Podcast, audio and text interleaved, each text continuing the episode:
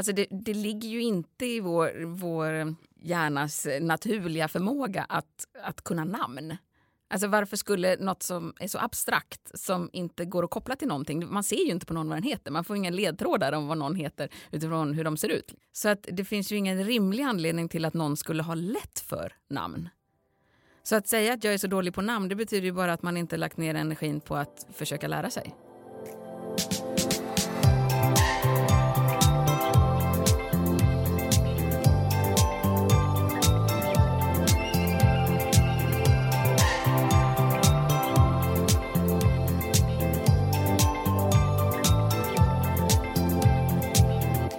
Och välkomna till podden med målet i sikte. Jag heter Charlotte Olsson Bresciani. Och jag heter Lisa Gustafsson.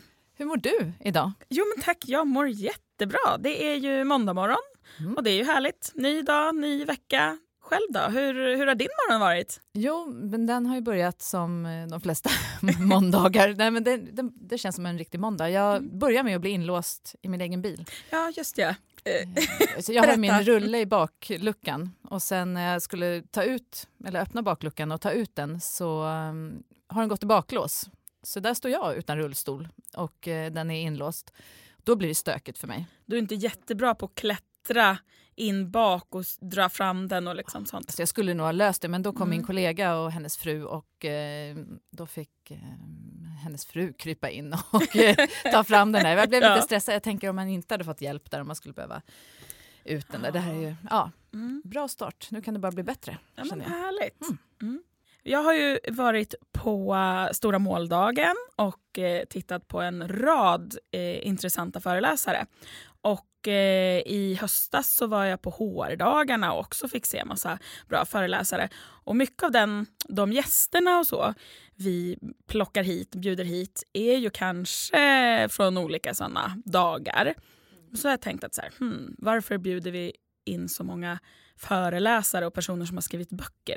Jag tänker att det kanske inte är att vi bara bjuder in dem just för att de är föreläsare och har skrivit böcker, utan de är jättespännande människor och har de något att berätta eller har någon livserfarenhet, då blir det ju också att man eh, vill dela. Om man har en stor passion för någonting eller en stor kunskap och något driv efter någonting så vill man ju säkert dela med sig av det. Och därav faller det kanske naturligt att man blir föreläsare eller författare Precis. på kuppen. Ja, just det. Så att det är inte så att vi, det är inte själva föreläsaren är inte själv, liksom, enda målet utan det, det är ju ändå det de vill berätta. Sitt ämne och sin ja, passion. Precis. Ja. Du om någon borde veta, du är ju föreläsare.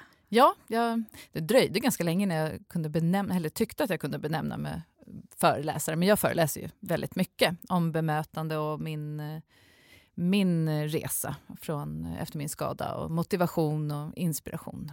Det tycker jag är roligt. Och det handlar ju också om ja, det hade ju varit för flera år sedan hade jag hellre dött än att ställt mig upp och pratat inför, nu ställer inte jag mig upp i och för sig, men ställt mig på en scen då, eh, än att prata inför människor. Nu pratar jag inför 600-700 pers. Eh, men eh, det är också en träningssak.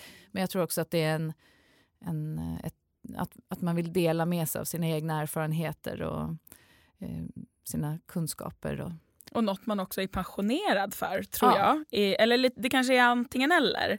Eh, att antingen har man något som man liksom har pluggat sig till mm. och är expert på och därför vill berätta om det. Mm. Eller så är det någonting som man har någonting som man har varit med om som man vill liksom beskriva och få människor att få förståelse för. kanske. Mm.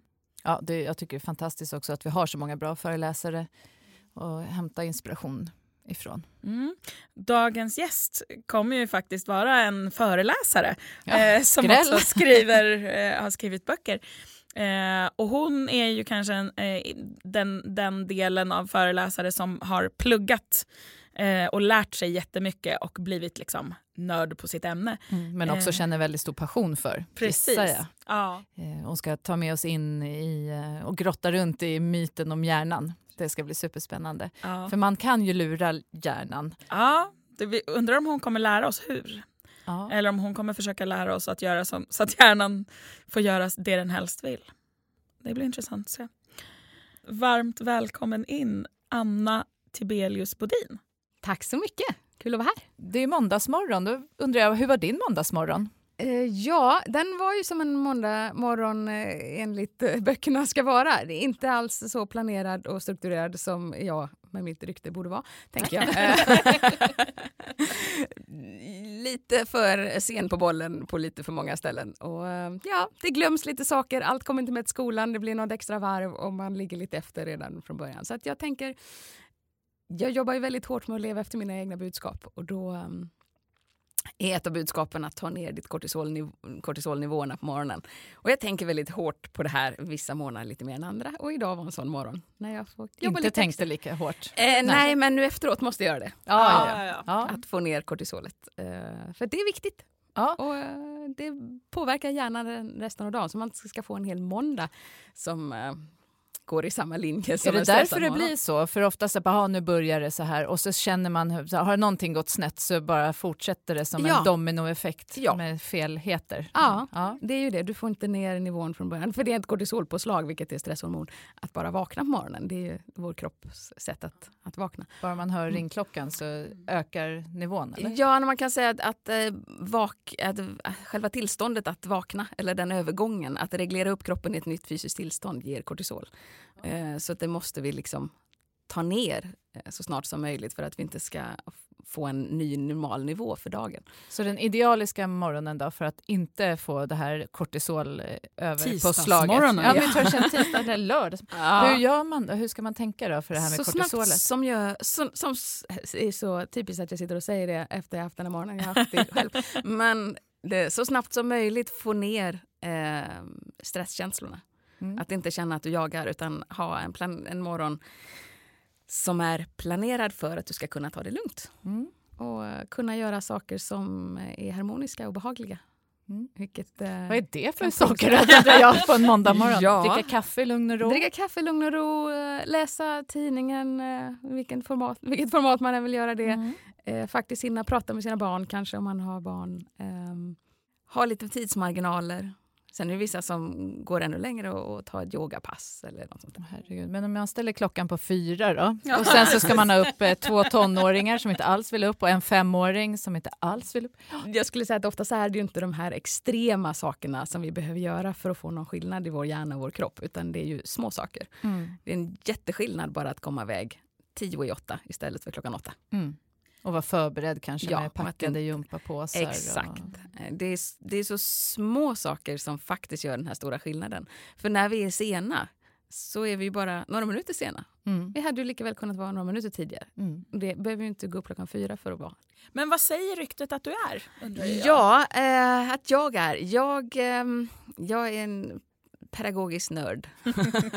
jag, jag gillar eh, pedagogik och nördat ner mig på hjärnan eh, i hela mitt liv.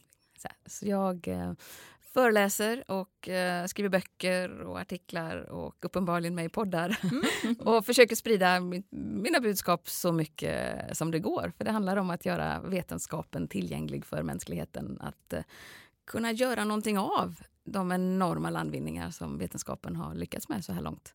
Och jag vill vara med och bidra till att fler människor vet mer om sina hjärnor. Och att man förstår att det är på ett lättbegripligt sätt. Ja, tänker jag. det måste ju paketeras ja. pedagogiskt för att det ska ja. funka. Och, och, ibland blir det väldigt stora förenklingar. Eh, och det måste det bli för mm. att eh, man tar inte till sig det annars. Liksom. Så, för det vet du, för du har forskat på det här? Jag har assisterat forskning okay. eh, mm. i eh, USA, på Harvard. Och eh, sen har jag ju alltså, forskat i den bemärkelsen, om vi inte pratar som akademisk forskare på universiteten så har jag ju använt hela mitt liv till att forska för jag läser och skriver och Research, tänker kring det här, ja. äter, lever och andas, mm. eh, de här ämnena. Så att på det sättet så, så forskar jag men jag är inte eh, knuten till universitet på det sättet längre. forskar. Ur vår, vårt perspektiv så är du absolut en hjärnforskare som, som forskar och vet Vi brukar kalla oss mycket. själva så här, när vi spekulerar om någonting så bara, vi, men gud, vi, det är smarta. Alltså, här sitter två hjärnforskare och ja, ja, spekulerar. Ja. Mm. Men då tänker vi att ur det perspektivet så, så är du lite närmare hjärnforskare i alla fall. men, men eh, du som ändå vet väldigt mycket om hjärnan, vad, mm. vad är den största myten om hjärnan? Eh, jag skulle säga att det är lite tvådelat. Den ena myten som är kanske mest spridd det är att hjärnan eh, är så i sån snabb evolutionär utveckling hela tiden.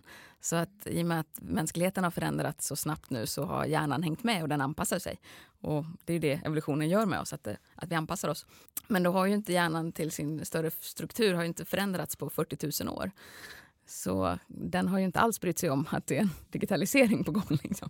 Eh, så att, De sista åtta åren. Exakt. Så att det, är ju, det är ju kanske den största myten. Att, eh, att vi skulle eh, anpassa oss så mycket. Å andra sidan så förändras ju våra hjärnor, våra individuella hjärnor förändras ju varje vaken minut. Men för oss som inte kan så jättemycket om hjärnan, vad är det, hur fungerar den? Den där lilla frågan. ja, precis. Men vad Ska är det vi som ta din eller min styr? hjärna? vi...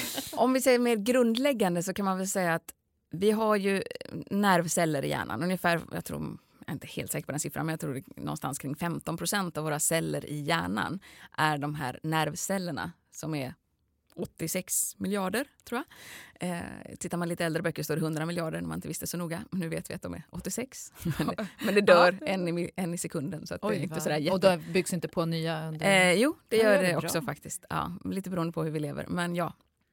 Eh, så det, det är ju ett enormt stort nätverk av nervceller. Och de här har ju till uppgift att då koppla ihop sig med varann. Eh, och de är ju ihopkopplade och vissa, vissa bindningar, då ska ju, eh, eller kopplingar som vi kallar för synapser, de ska ju brytas och, och vissa ska sättas ihop på ett nytt sätt så att vi helt, hel, hela tiden lär och lär och lär och lär. Eh, och lär om kan man väl säga. Som kedjor och grupper av... Liksom. Exakt. Och de här 86 miljarderna nervcellerna, de, de kan, varje enskild cell kan koppla upp sig till 10 000 andra celler. Det är ett ganska en oändligt nätverk vi pratar här. Mm. Och eh, för att de här ska kunna kommunicera med varandra så, så krävs det att det går signaler mellan dem för att då mm, skicka en signal från en cell till en annan och så vidare. Och så ska de fire off. Liksom så. Och mellan cellerna så måste det här då eh, ske kemiskt. Det är en elektrisk signal i cellen. Det är det som är signalsubstanser? Eller? Exakt. Det Jag ser, krävs... det är en hjärnforskare här i rummet i alla fall. Exakt. Ja. Så det krävs signalsubstanser mellan cellerna för att eh, de ska kunna föra vidare signalen och eh, koppla ihop sig i nya nätverk. Eller använda sina bestående nätverk. Då. Och eh, där är ju, det är ju själva grunden till all hjärnans, eh, all verksamhet i i hjärnan kan man väl säga. Eh, om, vi, om vi tittar på dopamin så har det lite, det beror lite grann på var i hjärnan mellan vilka celler i vilka strukturer eh, de här agerar. Men, men väldigt eh, övergripande så kan man väl säga att dopamin är kanske en av de absolut mest centrala eh, signalsubstanser vi har. Vad gör de med oss då, då eller Mm. dopaminet? Dopaminet gör dels eh, har det en, i en struktur möjligheten för oss att vi känner oss stimulerade. Mm. Vi, vi gör saker som vi gör därför att det ger oss dopamin. Eh, Oj, är det här äh, belöningssystemet? Ja. Typ, eller? Ja, så att eh, det känns, eh, det känns härligt. Mm. det är därför vi gör det. Så att säga. Därför Eh, man kan just den. Ja. ja, det är därför man kan den. Ja. Men, eh, men sen kan man säga att dopamin behövs för att vi ska tänka, för att vi ska bli nyfikna, motiverade, engagerade och faktiskt styra in vår, vår väldigt energikrävande pannlob som det handlar om, där vi har vår, vår mesta energi i hjärnan som går åt. Kan man höja det själv på något sätt? Eller kan Absolut. jag påverka det? Gör, man ja, det gör du hela tiden. Eh, Ja. Det, det är därför du gör det du gör, eller på att säga, eh, för att höja den. Väldigt ofta. Eh, Så att dels får vi det genom att vi intresserar oss för någonting. Vi blir engagerade, vi blir nyfikna, det har väckts en förväntan. Vi, ehm, vi blir motiverade helt enkelt. För mig är dopamin motivation Mm. Ja. Ja. kan man säga. Och sen så kan vi ju i brist på att känna att vi har något sådant här långsiktigt stigande eh, dopamin, det vill säga att, att nivån höjs långsiktigt, vilket tycks vara sen vår tid på savannen så det ska fungera med dopaminet, så har vi ju idag en liten annan miljö som vi lever i och då kan vi få upp vårt dopamin mycket snabbare. Vi kan ju svepa en energidryck eller eh, en ja, chipspåse eller gå ut och spela nätkasino eller shoppa kläder. Något som, vi, ger en liten kick Ja. helt enkelt? Eller? vi gör saker som vi ångrar efteråt. Alltså, Jaha. Okej. eh, inte men nödvändigtvis, förlåt det var Ja. att ta i, vi behöver inte alltid ångra det efteråt. Nej. Men kicken består inte om Nej. jag säger så. Utan det är just i stunden som det ger oss en tillfredsställelse. Mm. Det är ingenting som vi tänker tillbaka på och tänker åh vad glad jag är att jag gjorde det där. Det där, det där berikar verkligen mitt liv. Att jag är en sån som, som går ut på eh, nätkasino tio gånger om dagen. Det här är verkligen, det är det jag lever för. Det kan ju tvärtom kanske bidra till att något annat ämne, eller inte vet jag, vad är det för andra lite sämre ämnena då, som gör att man får ångest? Ja, alltså efter? eh, vad som egentligen hänger ihop med det här just att, att vi mm, eh, hänger på de här kickarna för att vi kan, för att vi lever 2020. Mm. För att det finns saker som ger oss kickar snarare än vad det gjorde på savannen på samma sätt. Mm. Och fanns det en kick så fanns det i och bara en kick. Vi hittade det där fruktträdet och sen var det inte så mycket mer. Nej. Men, men idag när vi får en kick så eh, skenar dopaminet uppåt och sen eh, så får vi ett bakslag på det. För kroppen, eh, alltså vi, vi är inte gjorda för att saker ska skena iväg för det är inte så man överlever. Då kan vi inte förutsäga framtiden. vet man inte vad händer här nästa. Här skenar det blodsockret eller dopaminet. eller Vad som helst. Det, det ska vara jämna nivåer. Så reaktionen blir ju att det här, när nivån trycks tillbaks väldigt snabbt Och blir Eh, ännu djupare och blir djupare än det var från början. Och då behöver man ännu mer känna, Ja, eller? ditt dopamin är ju lägre. Då behöver du mera. Eh, Så abstinensen är högre än vad den var innan du tog den första kicken.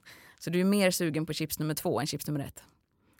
Ta den Ja. här. Men hur kan man göra själv då för att ha det här på en normal nivå? Vad kan, finns det något tips man kan Jag tänka skulle på? vilja eller? hoppa ur den här berg och dalbanan. Mm. Alltså för det är ju, blir ju en berg och dalbana av att du, du får en kick, skenar uppåt, dalar neråt snabbt, Mm. lägre än du var innan. Då vill du ha en ny kick, upp igen och sen behöver man inte vara narkoman för att veta att kick nummer två är aldrig lika hög. Så du kommer ju inte lika högt. Nej. Däremot kommer du lägre ner än du var från början. Och sen kommer du inte lika högt och sen kommer du lägre ner än du var från början. Ja, så det här är ju ner, nedåtlutande berg och dalbana. Liksom. Mm. Och till slut så, vad sjutton ska du ta till? Det finns ingenting mer du kan liksom stimulera dig med. Ja, nu ska du ta tag i de här tråkiga arbetsuppgifterna som du ville fly ifrån. Nu är du Mm. ännu mindre motiverad att göra det, för nu har du så Mm. lågt dopamin att, och du kan inte få upp det. Och vad det handlar om är att hoppa ur den här karusellen, eller förlåt, berg Mm. så att du blir mer sugen på långsiktigt högre dopaminnivåer. Mm. Och det får vi av att umgås med varandra. Mm. Att eh, skapa saker tillsammans, att bidra till andra människor. Att ha stimulerande samtal och projekt och idéer och Vara kreativ. och- Vara kreativa, Ja. eh, läsa får vi Mm. dopamin av.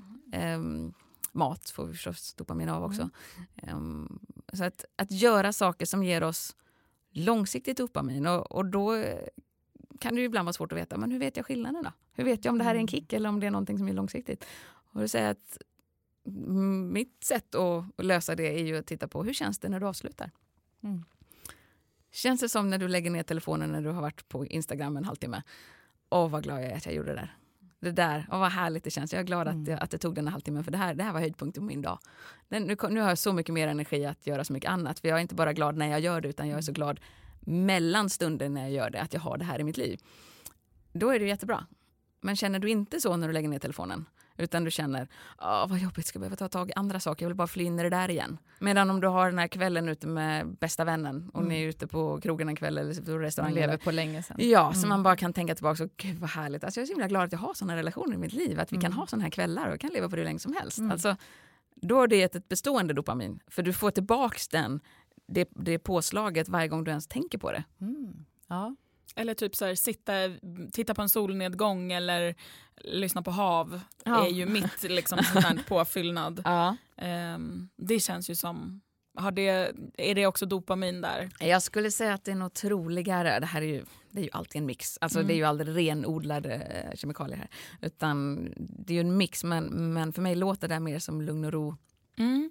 eh, och eh, oxytocin. ah, just det. Och det är nästa substans som Mm. man också då behöver. Det är också en signalsubstans som de flesta tänker mer på som ett hormon för att det är huvudsak, Jag känner sig huvudsakligen- inte det man får för att få gå om mjölken när man har Jo. fått barn? Jo. Ja. Ah, Ja. ah. Det är det.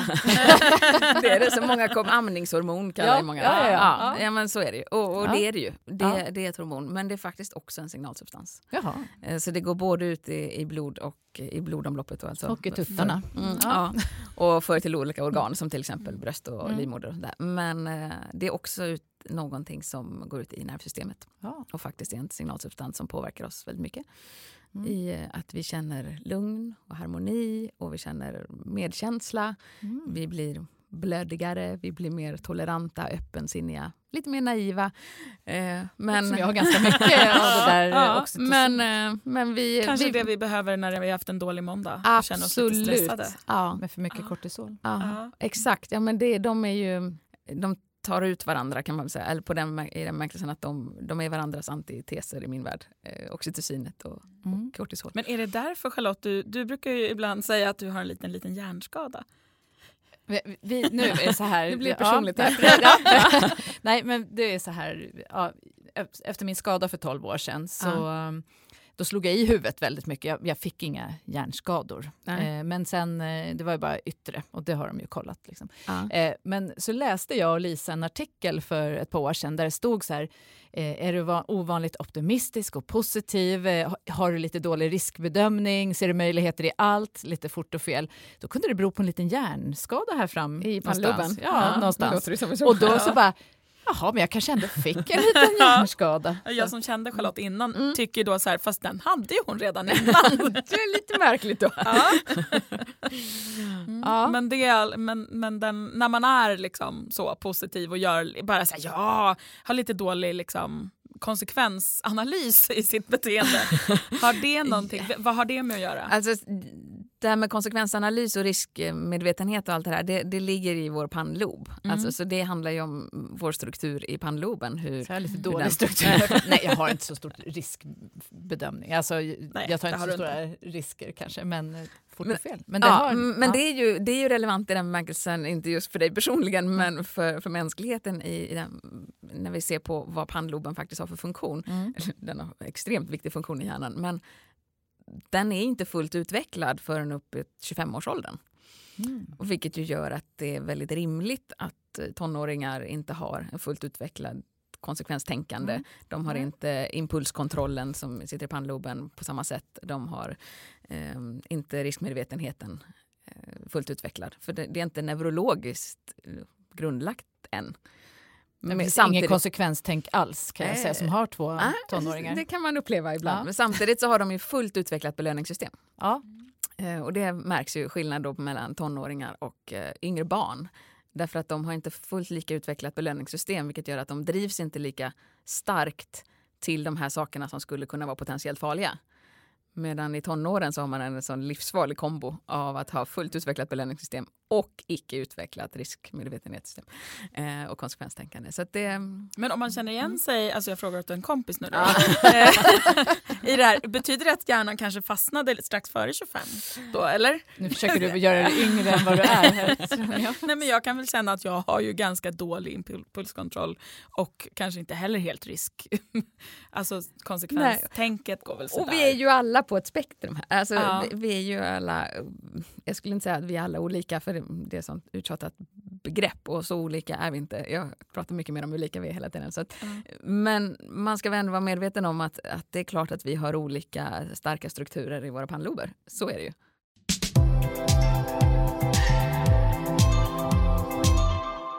Alltså, du har ju skrivit en, en bok, Lär dig mer på kortare tid. Eller du har Mm. skrivit många böcker, men, Ja. men den tycker jag, Ja. det känns som att den, det vill väl alla, lära sig Ja. mer på kortare tid. Ja. Eh, har, har det någonting med pannloben att göra eller var, vad har det med att göra? Ja, ehm, det har definitivt med pannloben att göra därför att det är den som vi jobbar med när vi lär oss saker. Det är den, eh, det energikrävande arbetet som krävs just i pannloben för att vi ska lära oss saker och sen kunna automatisera dem och njuta av att kunna saker. För det är hyggligt mycket lättare att ta mycket mindre energi från hjärnan att kunna saker än att lära sig saker. Så ehm, ja, det, det har med pannloben att göra. Ja. Men vad det handlar om det är ju att bli medveten om hur det faktiskt fungerar att lära sig någonting och att det kräver att du faktiskt fokuserar. Och en stor poäng i den boken, precis som i, kanske framgår i alla mina böcker, för det är mycket av det jag talar om, det är att du kan bara minnas vad du tänkt. Och då krävs det ju att vi tänker. Och att vi tänker på det vi gör medan vi gör det. För att sen är det för sent. Vi har väldigt kort stund på oss. Det är bara vårt arbetsminne som kan hålla viss begränsad tid, som kan hålla intryck i huvudet på oss utan att vi ägnar det uppmärksamhet. Liksom. Så vi måste tänka på det vi gör medan vi gör det. För att det Alltså ska kunna, reflektera över det, tänka under tiden. under tiden, bara ja, i realtid. Inte bara läsa, liksom. och sen... Nej, inte eh, bara avkoda faktiskt- text utan Ja. faktiskt reagera på texten. Ja. Eh, och när vi hör i, i samtal eller vad det nu kan vara, eh, så ska vi lyssna. Mm. Alltså det är en väldig skillnad på att höra och lyssna. Ja. Och du kan ju höra samtidigt som du gör någonting helt annat som kräver tankar. Mm. Men du kan inte lyssna samtidigt som du kräver något, gör något annat som kräver tankar. För vi kan bara komma framåt i ett tankespår i taget. Mm. Så att det är så oerhört viktigt vart vi riktar vår uppmärksamhet. Och det får konsekvenser för vad faktiskt hjärnan kommer att bearbeta och göra till långtidsminnen. Ja, det vet jag. Alltså, både jag kan göra men även om jag sitter med någon så bara, ah, men, men prata på, jag lyssnar. Och så sitter man och Sitter jobbar och vidare. Ja, Ja, men precis. Då lyssnar du inte alls, du hör. Nej, ja men precis. Men jag kan ju upprepa vad, så här, jo, ja men du pratar om det här och så här. Mm. Inom 30 sekunder kan du nå det. Ja. Ja. När 30 sekunder har gått så frågar man vad sa jag förra minuten? Vad sa jag före dess? Ja. Det kommer du inte ha. Men i 30 sekunder så funkar det för att vårt arbetsminne håller det levande. Liksom. Vi får den bufferten av att kunna eh, ha intryck på kö så att säga, innan de blir Mm. Men bearbetade. det, det jag sitter och jobbar med lär ju inte heller få Nej, den det blir också liksom, väldigt fragmenterat. Ja, Ja. fragmenterat. Ja. Men Ja. det är lite spännande, för jag tänker så här, om man... Så många tonåringar eller även vuxna, om man pluggar eller så och kanske har, eh, säg att man har eh, ADD eller ADHD, Mm. och man är känslig för yttre, yttre stimuli. Mm. Eh, många uppskattar ju att ha kanske musik på medan de sitter och gör matte och sådär. Mm. Kan det vara mer störande för hjärnan då? Ja, eller? det här är en ganska stor diskussion så det är Ja. jättebra att du tar upp. För att om vi nu pratar, kom, gått tillbaka till dopaminet, Ja. så är det ju en förutsättning för att vi ska tänka. Vi, vi behöver dopamin för att, för att tänka. Mm. Eh, och eh, om man har en, eh, om man är en, inte har någon brist på dopamin, så att säga, att man, är, man har inte någon neurologisk anledning till att tro att man skulle ha någon, någon brist på dopamin, då, då ser jag det lite grann som att då ligger man normalt sett vid, vid en vattenyta och, och simmar. Liksom. Och sen så kan vi få lite höjder ibland för att vi går igång på någonting och det är spännande, fascinerande, vi blir nyfikna, intresserade och engagerar oss. Då går vi upp och, och flyger. Liksom. Och det är rätt härligt. Mm. Och så kan vi gå ner och simma ibland. Liksom. Men så finns det ju eh, en grupp i vår mänsklighet som, eh, som har en neurologisk brist på dopamin. Vilket resulterar i, i ADHD och ADD och sådär. Och då, då handlar det om att man, man kan ligga vid den här vattenytan och, och, och simma och sen så går man ner och drunknar ibland. Liksom. Mm. Alltså, det är ju det spannet man har att välja på. Mm. Och sen så kommer sådana som, som oss, eller förlåt, men i alla fall som mig själv, ehm, som inte har den här bristen och säger ja men det kan inte vara roligt jämt. Nej, det är lätt för oss att säga, för, Mm. för vårt spann är mellan att simma och flyga. Deras spann är Ja, mellan att simma och fall, drunkna. Liksom. Gud vilken bra liknelse. Ja, Ja. Ja. Och då är det väldigt lätt att säga det kan inte vara roligt jämt. Ehm, nej, du säger det till den som, det är ganska grymt att höra Mm, det om man ja. tänker, jaha så jag ska drunkna ibland då. Men man måste, alltså, för, de, för, de, för deras skull måste det vara roligt för att de ska ha en liksom, möjlighet att Ja, för att det är sig. fruktansvärt jobbigt att ha lå- så låga nivåer av dopamin. Och, och, och ändå ägna det till lilla, jag dig som en liten kran som bara droppar. Liksom. Det ska vara fullt blås och det, det droppar. Mm. Och du ska använda det för att dina nervceller ska kunna kommunicera med varandra. Och kunna tänka och fokusera och dessutom också då ha impulskontroll och eh, styra undan, eh, styra bort från, från eh, distraktioner och allt sånt där som de då dessutom får en ökad uppmärksamhet kring. De har en mycket större, mycket större kanaler in i hjärnan Mm, säga, mm. för, för stimuli. Och då måste ju de här värdefulla resurserna som är begränsade i hjärnan användas till att också mota bort intryck för att kunna fokusera på det de ska fokusera på. Då Och har s- all energi gått redan. Ja men exakt, och då Mm. hade de mindre energi från början. Eh, av en sån mental Mm. kraft. Så att, Då kan musiken liksom bli som en liten mur nästan. Att den Ja, är Den där. fyller på. Men den, ja, precis. ja, dels så, och det var därför jag ville ta upp på den här långa beskrivningen. Därför Mm. att den har ju, precis som ni är inne på här, två funktioner. Dels så har ju musiken möjlighet att få upp vårt dopamin. Mm. Alltså vi, vi, vi taggar till, vi, hela kroppen går igång fysiskt av att Mm. vi lyssnar på musik. Så funkar de flesta människor. Så vi kan få upp dopaminet av att lyssna på musik. Vilket i sig är en hjälp. Och den andra biten av det, det är ju att när man har sån här känslighet inför för intryck så blir det väldigt jobbigt att hela tiden sitta på spänn och vara beredd på 15 of, oväntade intryck som kan komma från vad som helst, som ett fönster eller någon Mm. drar ut en stol, någon går förbi, någon tappar en penna, någon plingar en telefon. Allt det här, om vi kan få ett väntat ljud som slår ut 15 oväntade Mm. så kan jag ju slappna av mer och faktiskt fokusera inne i min lilla bubbla. Liksom. Mm. Ja, Jag skulle ju välja musik i nästan all form före en tickande klocka till exempel. Eller Ja. en brusande fläkt. För det kan jag ju bli, alltså så här, då hör jag bara den. Ja. Men har jag, slår jag då på någonting som låter som jag ändå så här, okej. Och det är som att nu vet jag varför det låter. Ja. Men det där andra bara helt störande som kommer och så här, det, nej. Får du kortisol av det? Så här, ja, ja, jag förstår. Men vad kan man mer göra för att liksom hålla koncentrationen då och, och lyssna eller liksom tänk, eh, tänka på vad man Mm. gör. Det här är jättebra. Vi stödjer ju mycket studenter, Ja. som jag berättar, folk som ska ut i studier och det. Så Ja. det är Alltså, jättebra tips kanske. Gör, det här är ju som klassisk, klassiker för att det får man höra på så många, i så många olika varianter hela tiden men det är för att det ligger något i det. Gör en sak i taget Mm. om det kräver tankar. Alltså, för det är egentligen bara det som det handlar om. Kräver det inte tankar, det är klart att du kan lyssna på en podd och dammsuga samtidigt. Det är ganska skönt Mm. för att dels blir dammsugningen roligare Mm. och, och dels så, så blir du antagligen mer receptiv. Alltså du, du kan ta till dig mer av vad som sägs i podden Mm. om du samtidigt gör någonting. Om Och det rör inte, på och det, rör liksom. på det. Och så, här. så att du kopplar ihop sen äh, innehållet i podden med dammsugningen. Mm. Vilket ju, ja, det är bara en extra krok i hjärnan så det spelar ingen roll egentligen. Men, men det kan det, det har många positiva effekter. Men, men du kan inte liksom lyssna på en eh, utbildningssession på mm, Youtube eller någonting samtidigt som du sitter och skriver någonting eller läser. Nej. Eller, alltså, det, det kan man inte göra och det är så självklart för kanske för vår generation, eller att säga, men inte så himla självklart för den yngre generationen som tänker ja, men, ja, men jag är så multitasker. Så. Om det kräver tankarbete så nej, det funkar inte. Mm. Du kan bara göra en sak i taget som kräver dina tankar. Ja. Och, och det kan vissa tycka att ja, men jag, jag, det bara kryper i kroppen på mig om jag ska sitta och fokusera och läsa i två timmar. Liksom.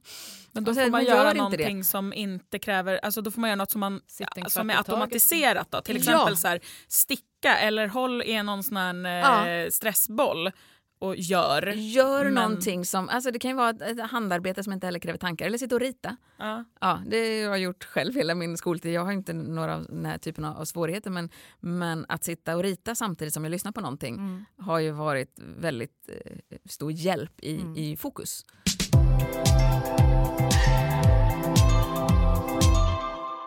Men du pratar lite om, om krokar i, i hjärnan.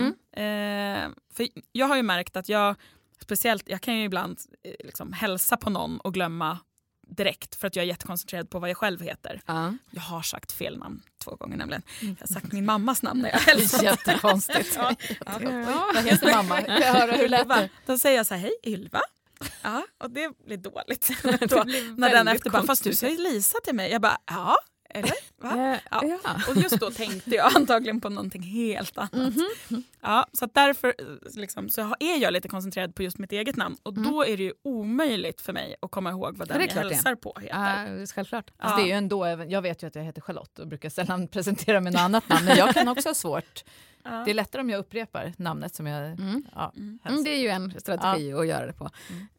Vad Jag brukar, hitta precis, på, nej, nej, men jag, brukar, jag brukar då hitta på eh, så här när jag har varit på någon fest med jättemycket folk som jag inte känner och bara nu jäklar ska jag komma ihåg vad de heter. Mm. Och träffar jag då en björn då bara jaha, Björn han. Då låtsas jag sätta ett litet tennisrack i fickan på Björn. Ja. Eh, och så, så när jag ser, det funkar ju antagligen bara just där och då för att nästa gång om jag träffar Björn och han inte har en kavaj då har han tagit av sig sitt tennisrack också. Eventuellt, jag vet inte. Jag har inte Ah, testat det. Men, Mm. men jag liksom, eller att så här, jaha, men åh, du, Anna har samma eh, frisyr som en annan Anna jag känner. Mm. Att jag liksom, ja, men när jag ser dig ska jag tänka på min kompis Anna. Mm. Ehm, och då funkar det. Då Mm. kan jag verkligen komma ihåg, jag vet inte hur många namn jag kommer ihåg någon gång och bara briljerade. Ja. Då tänker jag att det är ganska stort steg från att inte komma ihåg sitt eget namn till att komma ihåg 40 namn. ja, verkligen. Men Det handlar ju om strategin, att jag verkligen bestämde mig. Och då tänker jag så här, ah, det har någonting med de här krokarna att göra. Liksom. Och och du, du sätter ju fingret på eh, någonting som, som eh, engagerar mig väldigt mycket. Och det är just den här eh, annars kommentaren att eh, ja, men jag är så dålig på namn. Ah. Jag har väldigt svårt för den, för för mig är det väldigt ignorant. Ah. Alltså det, ju, Ah. ja, alltså det, det ligger ju inte i vår, vår hjärnas naturliga förmåga att, att kunna namn. Alltså varför skulle något som är så abstrakt som inte går att koppla till någonting, man ser ju inte på någon vad den heter, man får ingen ledtrådar om vad någon heter utifrån hur de ser ut. Nej. Så att det finns ju ingen rimlig anledning till att någon skulle ha lätt för namn. Så att säga att jag är så dålig på namn det betyder ju bara att man inte lagt ner energin på att försöka lära sig. Men Eh. jag då som säger fel, eh, det har jag läst någonstans, eh, att, man, att det betyder något. Och man, jag säger aldrig rätt namn till rätt barn. Till och med kallar Nej. dem för alltså Findus och det är katten. Så, och det blir all, jag säger fel namn. Det, nästan till aldrig. egna barn? Ja, nej, men, jag, ja, Mm. men Då vet Linus ändå eller Ja. Charlie, Ja. och ibland heter Charlie Findus som då är katten. Mm. Och så bara, men hur svårt kan det vara? Men där tror jag vi är inne på någonting helt annat. För där, det är ju någonting du delar med, med alla föräldrar i världshistorien tror jag. Jag tänkte när vi är inne på något annat, lite Nej. svårare utredning. Eh, att inte kunna namnet på, på sina egna barn, det handlar ju inte om att man inte har lärt sig namnet, man har ju oftast själv bestämt dem till Ja. och med. Eh, utan det handlar ju om, som sagt, någonting helt annat. Men, men det intressanta... ja, fast det intressanta jag hörde, och det var ganska nyligen faktiskt, det var någon forskare, jag tror en, en tysk eh, forskare som hade tittat på det här och konstaterade att de namnen man blandar ihop och säger fel på, inte för att man inte vet vad de heter utan man, att man blandar ihop dem, det gör man bara på människor som står lika i, alltså i, i någon sån här lika relation i, kärleksmässigt så att säga. Alltså du blandar inte Mm. ihop någon, någon eh, väldigt jobbig kille på jobbet eh, med, med din son. Liksom. Alltså, Nej. de namnen blandar du inte ihop utan du blandar ihop dina barn då kanske, även, inkludera Ja, katten. men Då. varför, det kan vara det jag har hört också. För jag Ja. vet att det var, ja, men det var ju Mm. fint. Och, eh, det var ju fint. Ja, jag Ja, tycker det också var att det är lite Ja. fint. Jag har faktiskt Ja. två kompisar som brukar kalla mig för deras barns namn. Mm, det är nog en komplimang. Det Ja, är den finaste komplimangen man kan få. ja Ja. men verkligen. Ja. Ja, det ska jag... Står man varandra nära om man får... ja, ihopblandad på det sättet. ja, precis. Ja. Men finns det knep för att, liksom, att saker som man behöver komma ihåg i alla fall om fyra veckor, Mm. ehm, kan, man, kan man göra någonting för att här, försöka fästa Absolut. fast det? Och jag skulle säga att det bästa sättet att etablera kunskaper det är att testa dig på dem. Att testa dig och testa dig och testa dig och testa dig. Som, Ja, som jag gör. förhör, ja men precis. När jag gör ju en grej av att illustrera hur viktigt det är att lära sig namn till exempel. Jag lyckas inte alltid men jag försöker att om jag, inte har, om jag har små föreläsningar, eh, inte så jättevanligt att det är så små men, men säg att det är, det är inte mer än 15-20 personer i rummet. Så, och de har av någon anledning presenteras att jag har hälsat på dem eller att så, här, så vill jag ju kunna deras namn när jag föreläser för Oh, dem. Liksom. kan du det? Eh, Det är inte alltid jag lyckas med Nej. alla men, men jag försöker att eh, liksom, Mm. eh, göra så långt, så långt det går. Och då genom att eh, använda deras namn när de får frågan eller de vill ta upp någonting så här, så, så hela tiden ser jag till att så snart jag har försökt etablera att jag ska lära mig, okej det där är Annika, det där är Pia, Mm. det där var ja, Sofia sa hon nog. Och så lyssnar jag ju på när de pratar med varann och de Mm. kanske känner varann lite bekantskap, så här, och de kanske hälsar på varann eller nämner varandras namn i förbifarten och så här. Då försöker jag snappa upp det hela tiden. Och sen så snart som möjligt själv använda det namnet. Mm. Och dels så märker de att jag kan deras namn, vilket Mm. ger dem en stark uppmärksamhet. Um, alltså de känner sig uppmärksammade och bekräftade Mm. av att Mm. jag uppenbarligen varit intresserad nog av dem Mm. för att lära mig deras namn. Mm. Vilket ger dem serotonin och andra härliga Ja. påslag. Och det är ju själva poängen. Men också är det för mig att om jag använder namnet i, när, i vårt samtal och i vår interaktion så kommer jag ju lättare komma ihåg det. Så repetition brukar man kalla kunskapens moder. Och för mig är det kunskapens moster. Jaha. Eh, eller för mig och för mig. Jag Mm. menar att vetenskapen har faktiskt kommit så pass långt nu att vi vet att det är inte det bästa du kan göra, ren repetition. Det är att hela tiden bli påmind om att jag heter Charlotte, jag heter Charlotte, jag heter Charlotte. Mm. Hade du sagt det till mig hela tiden så är det klart att jag hade eh, liksom Ja, fastnat. Det, hade ju ja. fastnat. Ja, för jag hade, Ja. hon sitter och tjatar om Charlotte. Liksom, absolut, det hade ju fastnat. Men att jag ska behöva ta fram det ur mitt eget huvud och komma ihåg att du heter Charlotte och behöva komma ihåg det igen och behöva komma ihåg det igen och använda det. Det är kunskapens moder. Så framplockning är egentligen mycket bättre verktyg än att bli exponerad för eh, kunskapen om och om, om igen. Det är lite som att, så här, att läsa en text 20 gånger. Ja, läs det en gång och förklara det med andra ord. Alltså gör det till Exakt, ditt. Att, Exakt. Ja. Uttryck dig. Mm. Ja, men precis. Så kan du svara på frågor från den här texten och så vet du de här frågorna ska du svara på när du har läst texten. Då kommer det att räcka ibland att läsa den en gång och du kommer ha mer förståelse, kunskap och minnen från den texten än någon som utan frågorna läste den fem gånger. Ja, men vad bra. Då tänker jag att, så här, för att för att kunna eh, lära mig mer på Mm. snabbare tid ska jag eh, tänka på det jag läser eller den informationen jag får. Jag ska göra en sak i taget. Jag ska repetera, men jag ska framförallt göra det till mitt eget. Ja, och repetera, i, nej du ska plocka fram. Ja, Det är ju en typ det. av Mm. repetition. Mm. Men typ bara återberätta. Exakt. Mm. Du ska inte bara titta på, på sån här vändkort om du har eh, glosor eller matematik eller vad som Mm. helst och bara Alltså, det måste vara bra att förhöra varandra tänker jag som Exakt. elever. Eller? Ja, så du, alltså, bli, bli förhörd, testa dig. Mm. Se till att någon annan förhör dig. Så att du måste uttrycka dina kunskaper. Mm. Och inte bara att någon talar om för dig om och om, och om igen vad det ska vara. Eller Det är återberätta för någon. liksom. Ja, precis, Mm, återberätta för någon. Mm. Det är som om vi tittar på, som man är förälder med, med ens egna barn. Och man tycker, men nu har vi, vi har ju pratat om det här så många gånger, hur kan du inte komma ihåg det? Ja. Och så tänker man, har vi pratat om det här så många gånger? Nej, jag har sagt det här så många gånger. Hur kan du inte kunna det? Ja, att jag har sagt det säger ju ingenting om huruvida det finns etablerat i deras huvuden eller inte. Nej. Om vi faktiskt hade pratat om det, då hade det nog funnits där. Mm. Men det har vi nog inte gjort, utan det är nog faktiskt jag som har sagt det. Jag fick en så här, Mm. när min dotter var fyra år och rymde från dagis eh, ena veckan. Och, sen så, och vi, vi pratade om det jättemycket, att så här, man får inte rymma från dag, aldrig mer för att rymma. Ni Hon bara, om det. Ja. Och, eller hon var mer så här, hon bara, "Ah, jag vill inte prata om det. Och jag bara, "Nej, hon skäms, hon kommer aldrig göra det här igen. Mm. Två veckor senare, då rymde hon från dagis. Men ytterligare, första gången var de två, andra gången var de fyra. Eh, och bara, äh, men kom igen. Och vi, igen har ju då, pratat så, om det här. Så, ja, men precis, igen så pratade vi väldigt mycket om det, att så här, hon fick, det man får inte. Och hon tyckte att det var jättejobbigt varje gång att prata om det. Och så till slut jag bara, okej. För då hade hon en, sin bästis. Hon hade varit bortrest under de här två veckorna. Så jag tänkte nu kommer hon komma hem och bara hej, jag vill också följa med och rymma. Så jag bara, vad gör du? Om Emilia säger kom, vi, vi rymmer Linnea. Vad säger du då? Och hon bara, jag vet inte, jag vet, jag vet inte. Jag bara, för mig var det så självklart. Så här, nej, du ska säga nej. Hon bara, ja, men vad säger du då Linnea? Vi går hem till mig och dricker O'boy. Eh, Ja, Då, då förstod jag att nej, vi har går inte inte pratat in här, om nej. det här. vi nej. Ja, nej. skillnad på samtal och samtal. Ja. Ja.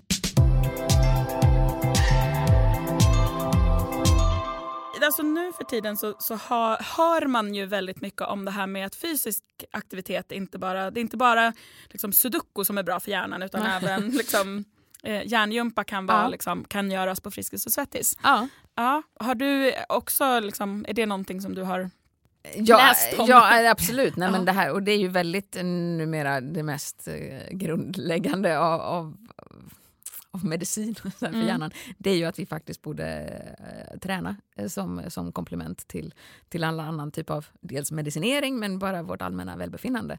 Så att, att, att kroppen är i fysisk rörelse det är ju någonting som som ju har blivit aktuellt just nu för att den inte är det, för att vi inte måste. Alltså, vi har ju behövt röra oss mycket mer genom alla tidsåldrar i hela världshistorien än vad vi Mm. behöver just nu. Och det, det lutar ju åt att vi behöver röra oss mindre och mindre. Vi har Mm. mer och mer serverat till dörren Mm. eh, och behöver Vi förflytta tar en oss. Voi. Liksom. Ja, Mm. eh, det, Ja, men man, gör, man kan ju få mat, eller allt som man handlar hemlevererat. Du Ja. eh, gör bankärenden på, och träffar doktorn till och med på ja. nätet. ja, du behöver inte behöver inte göra dig. någonting egentligen. Nej. Och, och det, det är klart att det får konsekvenser för vi är ju gjorda för att förflytta oss på savannen eh, hela tiden. Vi, att vara på tårna och, och dels hålla vår beredskap mot alla hot som kan ta död på oss förstås. Mm. Men, eh, men bara att hitta mat och, och Mm. bygga och vara i, i, ja, men vara i fysisk aktivitet. Så det är klart att det får konsekvenser att vi nu inte är det i samma utsträckning. Och då ser man ju, apropå vad vi pratade om innan med de här 86 miljarderna nervcellerna. Nyproduktion av eh, nervceller sker ju i, i pannloben till exempel vid um, fysisk träning. Mm. Och eh, även ökad, eh, ökad antal synapser, alltså tätheten mellan våra kopplingar mellan nervcellerna eh, uppstår också av fysisk träning. Hur mycket måste man träna då? Vet, finns det något mellan tummen? Det är ju jätteindividuellt säkert, Ja, men finns det mm. något mellan tummen och pekfingret? Om man säger en 3-45 minuter i veckan av eh, för, förhöjd puls. Om vi pratar. Tre, för, ja. Ja. Men typ gå en rask promenad Ja, funkar då? ja För absolut. det här är ju lite, jag som då sitter i, i Ja. rullstol, ja. där man läser så här, eh, ta trapporna till jobbet så lever du längre. Stå Mm. upp och jobba så lever du längre. Ja. Eh, ta en rask promenad så lever Mm. du längre. Alltså min Mm. livslängd bara, äh, Mm. blir ju mycket ja, kortare. Ja, jag förstår hur du tänker. Mm. Och där handlar, alltså, tänk inte att du, det är benen som måste röra på sig. Nej. Tänk att du ska få upp pulsen. Ja. Och då inte av skräckfilm. Alltså, eh, utan att eh, du får upp flåset. Ja. Men Men, och då händer det någonting i, då, då börjar de här synapserna Ja, det fungera händer allt möjligt. sätt. Och dels får vi en, en nyproduktion av, eh, av nervceller, vilket är jättenytt. Det har man inte vetat särskilt länge. Att man har ju trott att man får ju bara färre och färre nervceller genom hela livet. Men det vet vi nu att det får man fler av. Och då är det bland annat i pannloben, men det är också i vår eh, ska jag säga, kopplingscentral för våra minnen i hjärnan. Ett område som heter eh, hippocampus. Här är det inte så att alla våra långtidsminnen sitter där, men de är kopplade dit. Så att vi, vi aktiverar hippocampus när vi bildar det här långtidsminnet och vi aktiverar hippocampus när vi använder det sen också. När vi tar fram våra kunskaper och använder så. Mm. Så, så jag kallar det för en kopplingscentral kan man säga. Mm. Det är bra när den känner Ja, sig pigg och fräsch. Det är rätt bra att ha tillgång till den ja. Ja. Eh, och, eh, och den eh, blir väldigt eh, påverkad av att vi eh, håller oss fysiskt aktiva. Alltså det här vet man ju. Mm. Ja, jag vet också. Men ändå så kanske det inte är så att jag bara springer till gymmet tre gånger i veckan och tränar 45 minuter. Nej. Varför då? Du, du vill ju helst ha en, eh, troligen, om du fungerar som de flesta andra människor, så, så ser du ju helst till vad som känns härligt i stunden jämfört med vad som kommer kännas härligt långsiktigt. Och är det hot och krav och saker som du vill undvika så, så ser du ju helst hur du kan undvika dem i stunden istället för att undvika dem långsiktigt. Eh, Så det, Så vår, vi det är står ju lite stunden dumt, närmast. alltså. Liksom. Ja, det är lite synd. Man kan ju hoppas på att så här, hjärnan 2.0 kommer vara lite mer så här, hej vänta, vill du ta den långsiktiga eller kortsiktiga Mm. eh, utvägen här och att den då kanske lite röstar lite starkare för långsiktigheten där. Ja. Men om man tittar på vad, vad man kan säga rent generellt om hjärnan så är den ju inne på i, i, idén om att det viktigaste den kan göra är att överleva. Ja, Den måste ju överleva. Alltså Mm. det, det, det är fokus som slår ut allting annat. Hjärnan vill överleva. Och när vi har två alternativ att välja på, vi kan, vi kan antingen jobba med vår pannlob och, och tänka på vår långsiktiga överlevnad. Hur ska vi klara födan över vintern? Vi Mm. pratar på savannen. Eh, hur ska vi sky- kunna skydda oss mot eh, andra flockar eller mot vilda djur? Så, eh, så är det ett långsiktigt reflekterande över vår, vår överlevnad. Medan om vi står där mitt emot, har den här diskussionen och så, så, står vi mitt emot en tiger eh, eller, alltså, eller någon annan flock som anfaller. Så. Det är ju väldigt, väldigt närliggande i tiden att, att eh, skydda sig i stunden. Och det gör ju att vi måste ha strukturer i hjärnan som är betydligt mer fokuserad på stunden än långsiktigheten. För det är helt meningslöst att överleva vintern om jag dör nu. Liksom. Ja, precis. Mm. Så Mm. därför... Släcka bränder. Liksom. Redan då var hjärnan bra Ja. på att släcka bränder. Precis, så att det är ju, den måste ju på sätt och vis se ut så. Och, och idag får det ju helt andra konsekvenser än vad det hade på savannen. För vilka blir våra, våra bränder nu då? Alltså när vi då istället vi väljer att inte ta det där långsiktiga. Vad, nu väljer vi Ja, att men det är ju så skönt och bekvämt i soffan och Ja. eh, jag har ju inget som hotar mig. Det är bekvämt, det är varmt, det är, jag är inte hungrig och är jag hungrig så finns det säkert något lättillgängligt socker någonstans. så mina snabba kolhydrater kan lösa det för mig. Eh, Jag, jag har ju ingenting som hotar mig just nu, det är bara behagligt. Det är bättre att vila mig ifall att. Ja men exakt och då ska jag då prioritera bort det till att gå ut och anstränga mig fysiskt och förbränna energi när jag inte ens är i livsfara. Varför skulle jag göra det? Det är bara obehagligt och det finns ingen rationell förklaring för att jag inte är hotad. Liksom.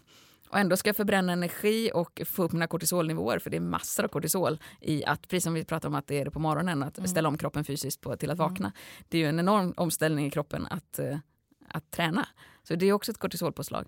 Och att utsätta sig för det helt i onödan enligt, enligt, enligt, ja, eh, enligt hjärnan, då krävs det en stark pannlob. Mm. För det är vad jag kallar den vuxna hjärnan. Det är den som talar om, jo men nu har vi hade en plan, säger den till resten av hjärnan. Vi hade en plan, vi skulle träna två gånger i veckan eller tre gånger i veckan.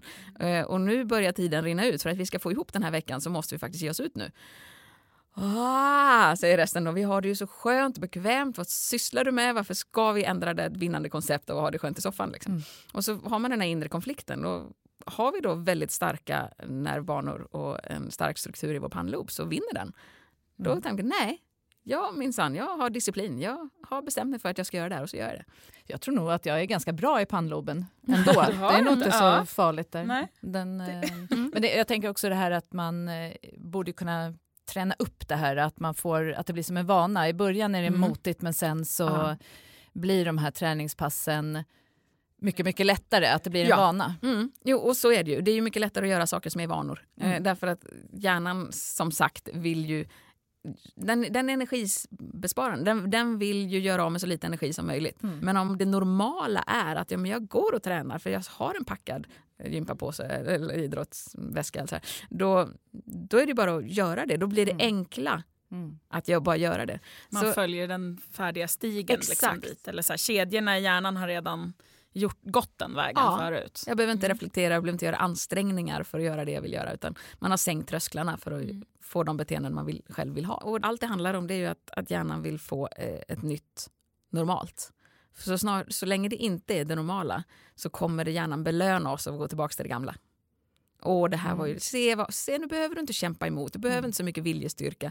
Du kan ju bara strunta i det där och faktiskt göra som du vill. Du, du gör väl som du vill. Och du måste inte gå och träna, du kan få ligga kvar i soffan och äta ditt godis. Ja, välja vilken hjärndel man, man lyssnar på också. Ja, jo men så är det ju. Och, Ja. Det här med att ha en liten djävul och en liten ängel på axeln, Ja, det är egentligen den, det liksom, den vuxna hjärnan och tonårshjärnan. Ja. då, då. Absolut, så är det. Aha.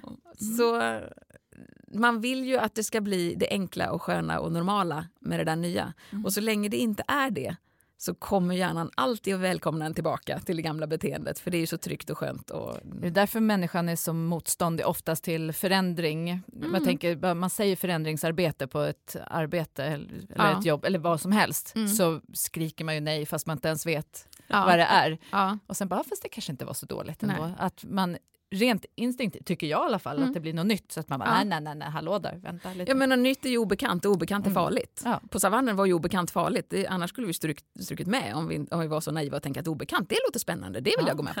Det. Alltså, det är ju livsfarligt att ha den inställningen om, om du har sån eh, stor risk att spännande dö. djur med stora tänder. Åh, vad spännande! Ja, vad häftigt! Ja, dig vill jag undersöka. Nej, så att, eh, vi måste ju vara på vår vakt. Liksom. Ja. Och, och då är förändring såklart farligt. Mm.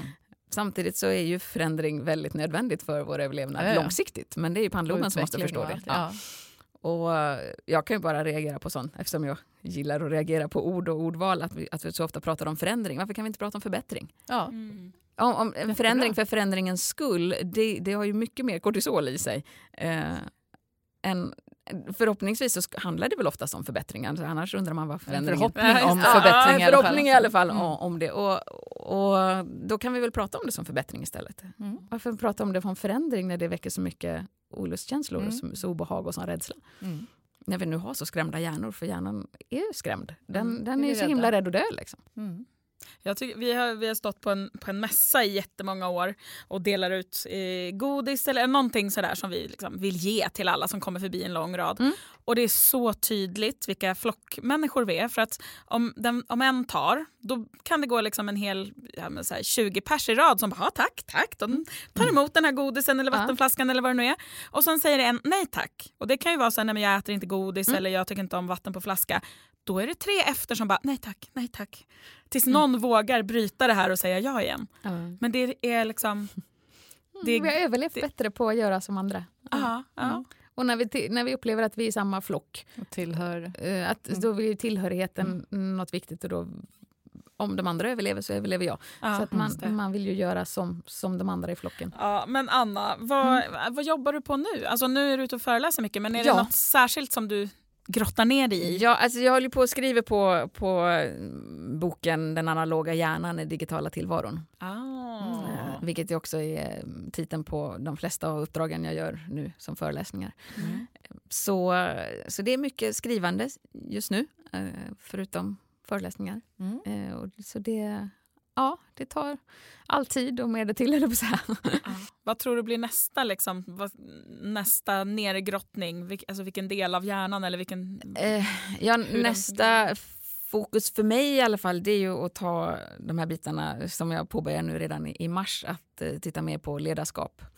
Eh, för att eh, jag tror ju på att de här idéerna och kunskapen och insikten om hjärnan det, det hjälper ju människor i, i, i alla roller och funktioner. Så men, men just att få in det i ledarskapet gör ju att det kommer påverka fler led av människor när, eh, när vi får ledare som är, har insikter om hur vi kommunicerar och hur vi motiverar varandra och hur vi påverkar varandra. Mm, eh, superspännande. Eh, och då är det ledarskapet som jag mm. börjat fokusera på nu. Mm. mm. Vi brukar ju, podden heter ju Med målet i sikte. Mm. Och vad har du för personliga mål?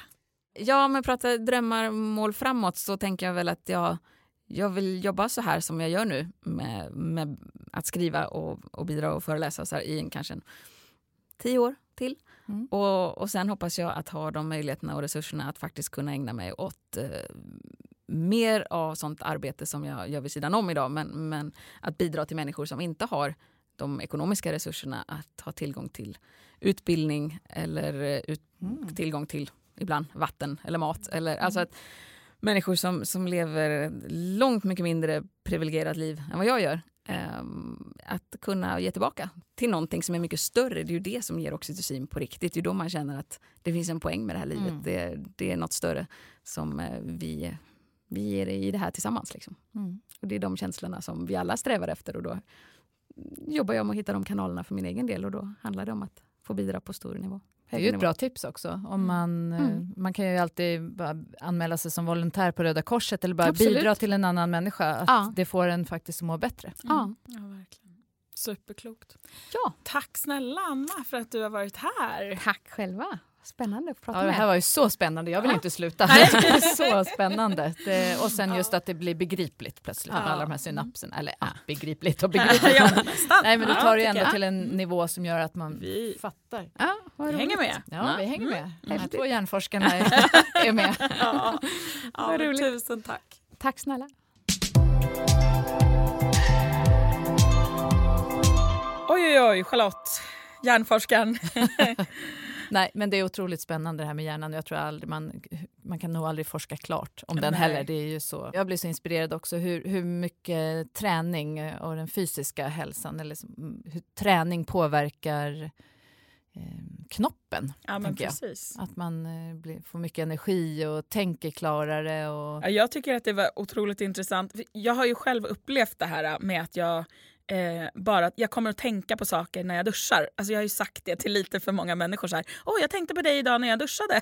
så folk bara, Jaha. Men det, är ju, det, må, det, måste ju ha med det här att göra. Att, att det är då man har tid att tänka. För alltid annars så har jag liksom någon form av intryck. Mm. Jag lyssnar på någonting eller jag, alltså jag pratar med någon mm. eller så. För jag är så dålig på... Alltså, att ha tråkigt är min absolut sämsta gren. Liksom.